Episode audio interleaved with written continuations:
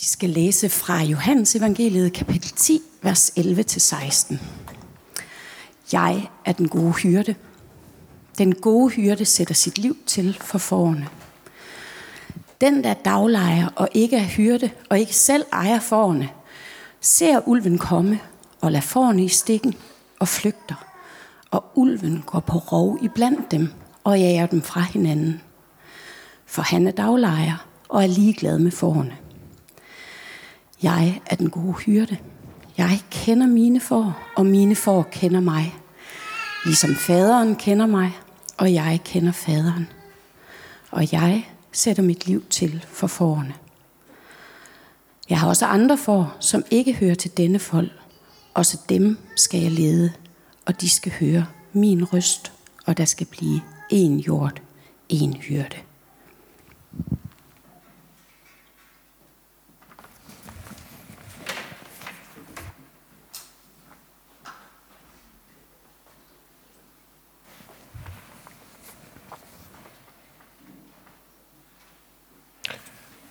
Ja, tak for invitationen til at komme og sige noget. Øhm, jeg vil måske tale en lille smule mere om forerne end om hyrden, fordi det, det er jo os, der sidder her. Øhm, jeg begynder et lidt andet sted, nemlig at, og det tror jeg, de fleste er enige i, at øh, der er ikke ret mange mennesker, der er interesseret i at begå dumheder. Og hvis man vil undgå ved dumheder, så skal man, sådan sagt lidt, lidt forenklet måske, så skal man lade være med at være dum. Øhm, man skal i hvert fald, man, man skal heller, man skal bære sig klogt ad øh, for at gøre det, og for at gøre, bære sig klogt ad, så skal man helst være en lille smule klog. Men hvad vil det sige? Hvilke kvaliteter vil os mennesker gøre, at nogen kunne finde på at kalde os kloge? Det kan, ja, det kan være meget forskelligt. Nogen vil sige, at det er en, en klog, det er en, der ved meget. Og, og at være klog, det handler om at vide en masse forskellige ting. Andre vil sige, det er noget, der viser sig i praksis. Hvem der er kloge, ikke? De, de kloge er jo som bekendt de mindre kloge, og det må være dem, der klarer sig godt, der er de klogeste. I vores dage, der er der sådan en helt tredje egenskab ved folk, vi anser for at gøre dem kloge, nemlig at man skal have kritisk sans. Man skal være selvstændig tænkende, og øh, det er man ved at stille kritiske spørgsmål til alt det, man bliver præsenteret for. Før i tiden, der galt der i høj grad om at vide noget. Den, der vidste mest, var den klogeste, og derfor var det i reglen de ældste, der blev betragtet som de klogeste. Øh, den måde at se på verden på, den har mildtalt ændret sig en del. Det passer lige med, at jeg er ved at blive gammel. Øh, at overtage de tidligere generationers viden, det er nemlig det stik modsatte af vores forestilling om, hvad det vil sige at tage selvstændigt stilling til tingene. Et af de værste ord overhovedet i vores ordbog, det er ordet ukritisk. Ukritisk, det betyder sådan i det store hele det samme for os som at være dum. Og her er det så, at kristendommen, eller i hvert fald den kristne tradition, kommer sådan lidt i klemme. En tradition, det er nemlig noget, man overtager fra nogen, der er ældre end en selv. Og netop sådan kan man kan sige det, at, at kristendommen er gået i arv fra generation til generation. Sådan en tradition har kun kunne lade sig gøre, fordi man har støttet sig til de erfaringer, andre har gjort før en. Traditionens bedste argument, det er, sådan har vi altid gjort. Uheldigvis for traditionen, eller for os, så er det i dag det ringeste argument overhovedet, at man gør noget, fordi man altid har gjort sådan. Det er nærmest sådan definitionen på at være ukritisk. Når folk gør noget bare fordi andre gør det. Der er, ikke, der er i virkeligheden, så tror jeg ikke, der er noget ret mere, mere ukritisk end at, end at følge strømmen. Øhm, og det har sådan en lille, en lille citat øh, for den danske forfatter Jakob Knudsen, han er efterhånden ved at være gammel, han døde for mange år siden. Øhm, øh, om den måde at opfatte verden på, der skrev han for, for sådan et godt år, århundrede siden, der skrev han, hvad folk gør i flok og uden ordentlig ledelse, det kan egentlig aldrig forklares. Til det sker jo ved en tilfældighed, og ikke ifølge grunde. En flok får kommer vrimlende op ad gaden som en sammenpakket uldmasse under trummende, prikkende trippen. Nogle af de forreste drejer ind i en anden gade. Måske følger hele flokken efter, og måske, hvis der i det samme kommer et vindpost, virer den sky tilbage og fortsætter lige ud med en høj brægende lyd. Og det er jo os. Øh, altså, det er et problem, der sådan i påfaldende grad minder om vores dags problem med kristendommen, og det ses med sådan, med sådan en næsten bedrøvelig tydelighed øh, i det her evangelium, hvor Jesus sammenligner de kristne med får. Det er altså de kristne, som en flok får, der kender deres hyrdes stemme, og hvis liv afhænger af, hvorvidt de følger den hyrde eller ej. Og jeg ved ikke, om det er ufortjent, at får bliver fremstillet på den her sådan lidt ufordelagtige måde. Øh, den vurdering vil jeg overlade til de mange dyrepsykologer, der dukker op efterhånden som selv fugle og skildpadder er blevet forfremmet til selvstændige tænkende væsener. Øh, om det derimod er en ufortjent fremstilling af det kristne, det står for så vidt ikke til diskussion, eftersom det er Kristus selv, der er ophavsmand til den her sammenligning. At være kristen, det indebærer helt åbenlyst, at man er helt og dels ukritisk over for Gud i hvert fald. Og i den forstand er det jo ikke udtryk for nogen særlig form for klogskab at være kristen. Evangeliet indbyder ikke i ringeste grad til kritisk stillingtagen, hvor herres eneste argument for, at vi skal adlyde ham, det er de gammelkendte og redsomme, redsomme upædagogiske ord, ikke? fordi jeg siger det.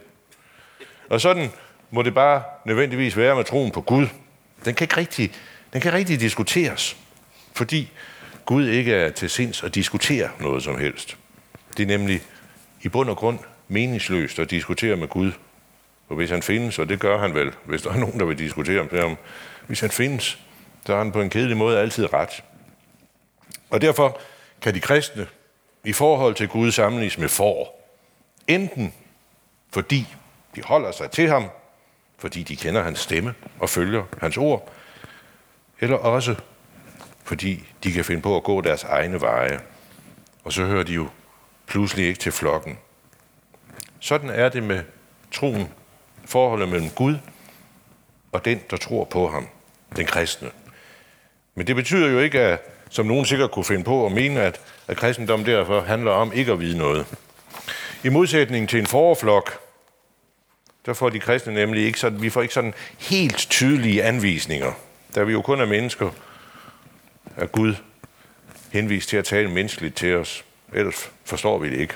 Og det gør han så i evangeliet, og evangeliet bliver jo ikke lettere at forstå efterhånden, som tiden bringer os på afstand af de her begivenheder, evangeliet beskriver. At kristne bare er som en flok får i forhold til Gud, det, behøver ikke at, det betyder ikke, at der ikke er behov for at bruge hovedet bare en lille smule. Hvis man for eksempel tror, at jøder er en særlig slags håndværker, eller Jerusalem er navnet på et vaskeri, eller templet er et sted, man drikker kaffe, ja, så kommer man snart i forståelsesvanskeligheder. Kristendommen, det kristne budskab, det er noget, der må tros. Og tro er ikke noget, der kommer af kritisk stillingtagen. Når det så til gengæld kommer om at forstå, kommer til at forstå og til at begribe dy, dybden i budskabet, ja, så er man skidt stillet, hvis man ikke ved noget. For at være kristen er ikke helt det samme som at slå hovedet fra. Det kunne man måske snarere sige om meget af vores dages kritiske stillingtagen. Vi tager stort set ingenting for gode varer, men insisterer på at tage selvstændig stilling til alting. Og i den forbindelse så betragter vi tidligere tider og al deres viden og ørkesløse udenadslærer som ubrugelig. Ikke? Det er det, vi plejer at kalde den sorte skole. Det skal vi ikke have mere af. Og derfor udmærker vores tid sig ved at være ubekymret. At vi ganske ubekymret tager kritisk stilling til ting, vi ikke har begreb skabt om, fordi vi ikke aner noget om det. Vi mener os i stand til at vurdere alting kritisk, som det hedder. Det gælder jo om at kunne stille de rigtige spørgsmål. Uheldig nok så er det bare svært at stille begavede spørgsmål, hvis man ikke er begavet med en smule viden om det, man spørger til. I forhold til evangeliet, der har vi som kristne pligt til at stå i modsætning til den form for uvidende kritik. Som kristen, der tager man ganske rigtigt evangeliet om Jesus som Guds søn for gode varer. Ganske ukritisk endda, fordi det er jo i bund og grund meningsløst at ville diskutere med Gud, om han nu også er Gud. Det kan næsten kun tros. Og det er den tro, vi alle sammen er blevet døbt på. At der så i tilgift også er noget at vide om kristendommen, det er indlysende. Skal man kunne glæde sig over dåben, så må man have kendskab til dens betydning. Og kendskab kræver både viden og forståelse. Ikke som en kritisk stillingtagen, for kristendommen er ikke modtagelig for kritik, kun tro, men som en besindelse på, en fordybelse i det, der betyder noget i vores liv som kristne. Det er noget underligt noget med det kritiske, fordi det er jo, der er jo nok at kritisere, kan man sige. Øh, jeg hørte engang om en præst, der tog de ting ud af trosbekendelsen, han ikke brød sig om, fordi det på en eller anden måde lød dumt, synes han. Bortset fra, at det lidt, eller rettere sagt, at det fuldstændig er en misforståelse af, hvad trosbekendelsen er for en størrelse, så er det på sit vis overraskende, at han ikke sorterede det hele fra. Fordi så særligt sandsynligt er der jo heller ikke ret meget af, der er. På sådan en næsten uforklarlig måde, så er det trosbekendelsen, der binder os sammen som kristne på tværs af tid og sted. Jeg ved godt, at, at skrifterne i det nye testamente, de er ældre end den trosbekendelse, men der er ikke nogen af alle de der gamle papyrusfragmenter, vi har med det nye testamente på, der er ikke nogen af dem, vi, vi rent faktisk har, der, der er lige så gamle som trosbekendelsen. Det er næsten som at have en direkte linje til den tidligste kirke, hvor man mødtes og bekendte sin tro. Ja, nu ved jeg godt, det er meget moderne at ville lave om på trosbekendelsen. Det siger ikke moderne mennesker med noget, så ud med alt det gamle bras. Ikke? Men hvis trosbekendelsen skal skrives om efter, hvad folk nu sådan lige går og tænker og tror, ja, så er det slut med en fælles bekendelse. Det er ligesom med fællesspisningerne. Hvis vi skal tage hensyn til alle de kostpræferencer, folk har, så er det altid lettere, at vi hver især har vores madpakke med hjemmefra. Og det kan også være fint nok, men det er nogle gange en anden slags fællesskab. Øhm, der, der kan jeg huske, øh, hvad hedder det, jeg hørte engang om, jeg hørte engang om, om nogle øhm, nyuddannede præster, næsten nyuddannede præster, de var på, de, de blev kørt i bus til Viborg, fordi der var, der, der mangler man præster. Det gør også, også lidt her øh, i Aalborg, vil jeg sige. Men, så, men, men, men de, de hentede dem alle sammen i en bus i håb om, de kunne synes, at Viborg var et dejligt sted. Og så kom de derop, så, og så skulle de over og spise, og, og der, og, og der var fællesspisning med biskoppen, og alt muligt, og det var meget fint. Og, og så kom de, så lige pludselig, så, så er der nogen, der sagde, sagde øh, hvor, hvor, ikke, hvor, hvor, jeg ved ikke, om de har sagt, hvor grøntsagerne, men, men der var nogen, der var vegetar. Øhm, og, øh, og så gik de ud i køkkenet øh, og, og, og spurgte derude, hvad har I til os vegetarer? Øh, og så er der sådan en, en gammel vestjysk køkkendame, der kiggede forundret på dem og sagde, det bruger vi ikke herop. øh, og, og, og hvad hedder det... Øh, jeg, jeg, vil, jeg vil så sige, øh, at det kan godt være, at de ikke brugte den slags til Viborg, men det tror jeg nu, det kom de til. Øh, fordi større er verden heller ikke. Men, og det er jo heller ikke, fordi kirken skal tvinges tvinge fælles pizza ned i halsen på glutenallergikere. Ja, nu får vi se bagefter, men øh, hvad hedder det? Men, men, øh, men øh, jeg vil sige, kirken skal heller ikke tvinge vanvittige trospåstande ned i halsen på fornuftige mennesker. Men nu er trosbekendelsen ikke en eksamen i idioti. Det er ikke en laksmusprøve på, hvor dum man kan få sig selv til at være. Det er bare et kort referat af den historie, vi fortæller, når nogen spørger, hvad vi mener, når vi siger Gud. Det her med at være fælles om noget, eller fælles, det er i virkeligheden den helt store udfordring i forhold til dagens evangelium. Jeg er den gode hyrde. Jeg kender mine får, og mine får kender mig, ligesom faderen kender mig, og jeg kender faderen, og jeg sætter mit liv til for forerne. Sådan siger Jesus. Men hvordan i alverden holder man sammen på en flok, der består af individer, der i stort omfang har deres helt egen personlige opfattelse af, hvad der er op og ned i tilværelsen. Håndteringen af den udfordring siger en masse om, hvad vi er for en slags kirke, de forskellige steder, vi nu er. Det kan godt være, at der altid har været sorte flår i den store hvide flok, men nu til dag er kirken jo en udpræget broget forestilling og forsamling. Og i sådan en forsamling kan det være svært at fælde fælles fodslag, medmindre selvfølgelig øh, dem, der ikke kan finde ud af at indrette sig selv, indrette sig, de, de, de, at de selv kan finde andre græsgange. I alle fællesskaber, der er nødt til at være noget, man er fælles om. Ellers er der kun medlemslisten tilbage. Og der står vi jo alle sammen, ikke sandt? Men det giver ikke så meget mening at være med i noget, der kun handler om at være med, uden at være med. Det er altid rart, hvis der er højt til loftet, hvis man ikke skal forstene fuldstændig, men på en eller anden måde, så, så er der grænser for, hvor meget frihed der kan være, hvis alle skal kunne være der. Det er ligesom med samfundet i øvrigt. Det er dejligt med frihed, men der er en tendens til, at den enes frihed forstyrrer den andens frihed. vi tager sådan et meget uskyldigt eksempel. For eksempel, min, min nabo holder af at spille høj musik for åbne vinduer, fordi det er en del af hans frihedsopfattelse. Så truer det med at konflikte med min hævdvundne frihed til at være gammel og kedelig i fred og ro. Og, og det er som om, at de to ting ikke rigtig kan forenes. Og det er en uforenelighed, som kirkehistorien også byder på utallige eksempler på. Og det kan godt være, at vi alle sammen er Guds børn, men vi er, sandt for dyden, sammenbragte børn. Man kan betragte det som et fremskridt, at vi holder op med at brænde hinanden på bålet. Det, ja, det synes jeg da også, det er.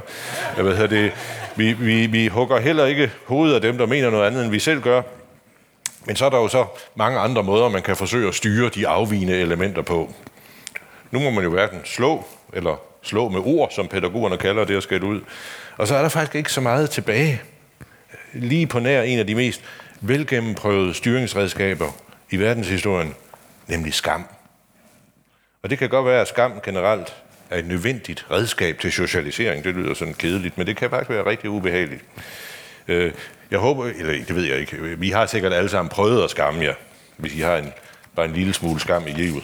Men jeg vil, jeg kan, jeg vil give sådan, bare sådan et par uskyldige øh, eksempler på skam. Øh, øh det første handler lidt om mig selv. Øh, og det var en gang for nogle år tilbage. Jeg, var, jeg, var, jeg skulle ned og se en udstilling, Den Gamle By i Aarhus. Den kender I, kender I sikkert godt. Jeg ved ikke nogen af jer, der har boet der. Men, men hvad hedder det... Øh, det var, og det var en udstilling om rygningshistorie. Det synes både jeg og min pibe var ualmindeligt interessant. Øhm, og, og, øh, og som noget helt særligt, så havde de indrettet sådan et, et, øh, et gammeldags herreværelse, det hed det altså, det må I undskylde, men det er jo ikke noget, jeg har fundet på. Øh, hvad hedder det? Et gammeldags herreværelse nede med, med I, I ved, med mahoni møbler og bogreoler og læder og stole. Og som kronen på værket, man måtte ryge derinde. Og jeg, Ja, jeg, jeg, jeg så faktisk ikke ret meget af den udstilling, øh, fordi, den, fordi, fordi øh, det, var nede, det var nede i bunden, øh, det der, og jeg var for lang tid siden alt derhjemme blevet sendt udenfor øh, for at ryge. Øh, og hvad hedder det, og, og jeg styrede lige derned, og så drejede jeg om hjørnet ind til, der var en fin dag herværelse, og så kiggede jeg ind, og så, og så, hvad hedder det, så stod der to børn ved et bord derinde. Så tænkte jeg, ah, det, det går alligevel ikke, og det, det kan man ikke. Den, det, det, det duer ikke. Hvad hedder det? Så, men nu, nu ved jeg heldigvis, øh, fordi, fordi vi selv har en del børn rundt omkring, men altså, øh, hvad hedder det, at, at, at børn de er ikke så tålmodige. Øh, så jeg, jeg ventede på, at, at de ikke gad stå der mere.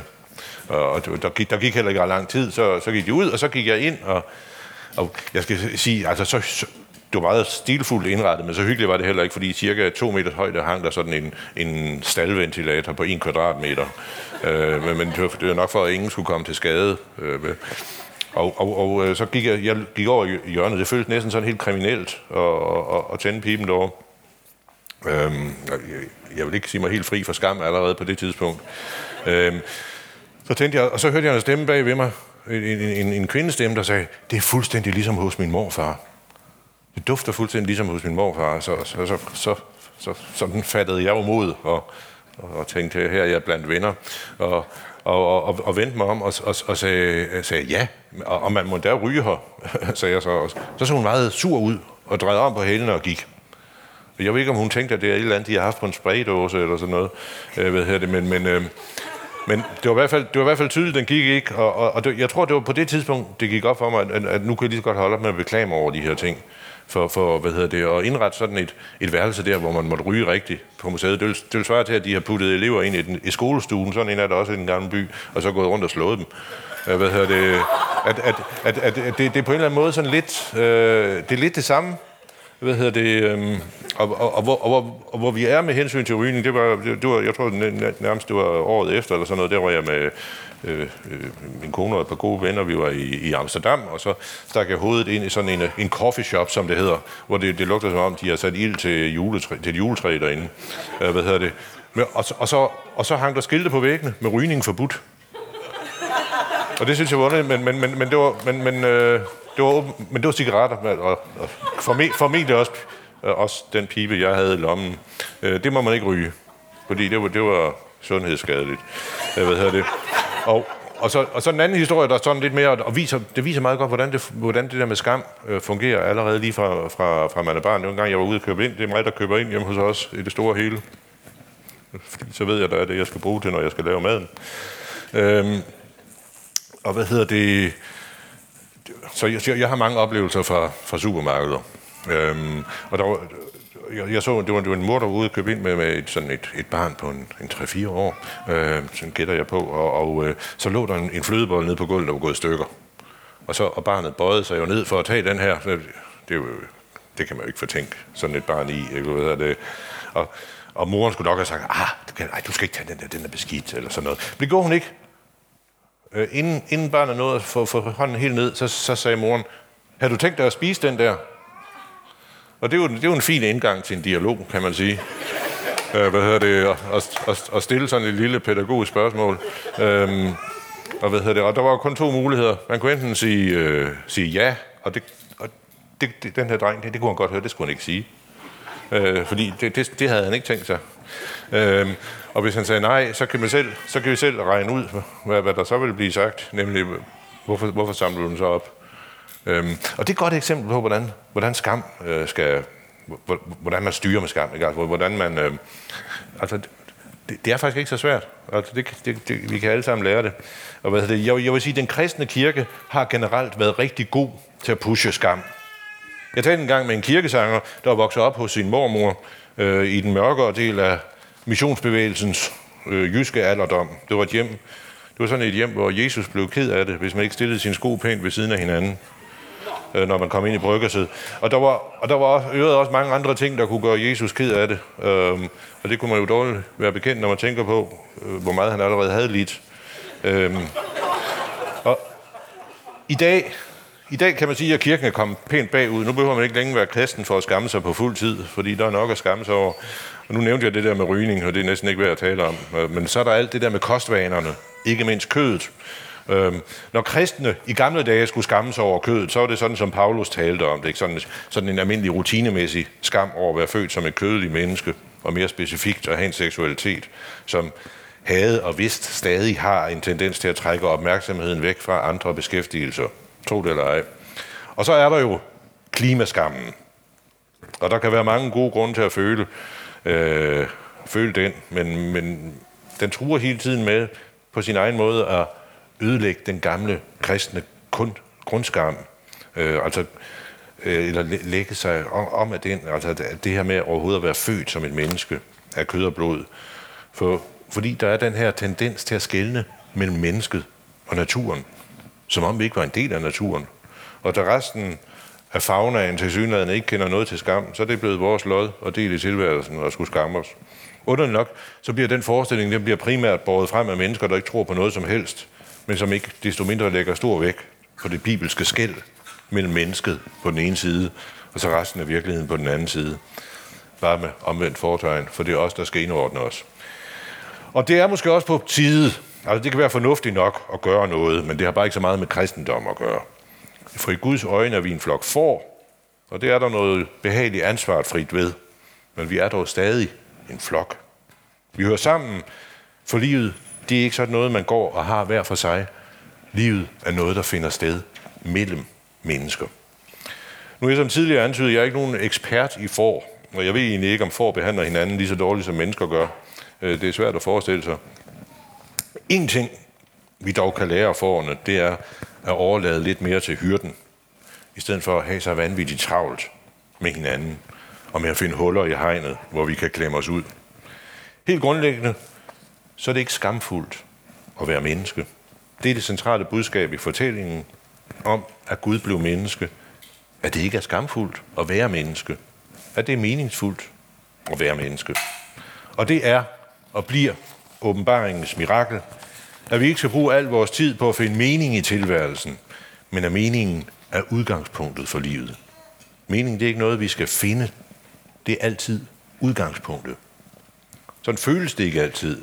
Men det skyldes vores særlige talent for at forvilde så langt væk, at vi ikke kan høre hyrdens stemme. Hvis man altid navigerer efter sin egen indre stemme, ja, så kommer man selvfølgelig ikke så langt væk, at man ikke kan høre den. Øh, men det er med den gode hyrdes stemme, som er alt andet af betydning af livet, det er noget, der kommer til os udefra. Og det kan godt være, at vores hoveder er lidt bedre end traditionelle forhoveder. Det kunne man da håbe på. Men så kan vi passende bruge dem til noget fornuftigt, i stedet for at plage livet af vores medmennesker med vores helt utrolige begævelse. Amen.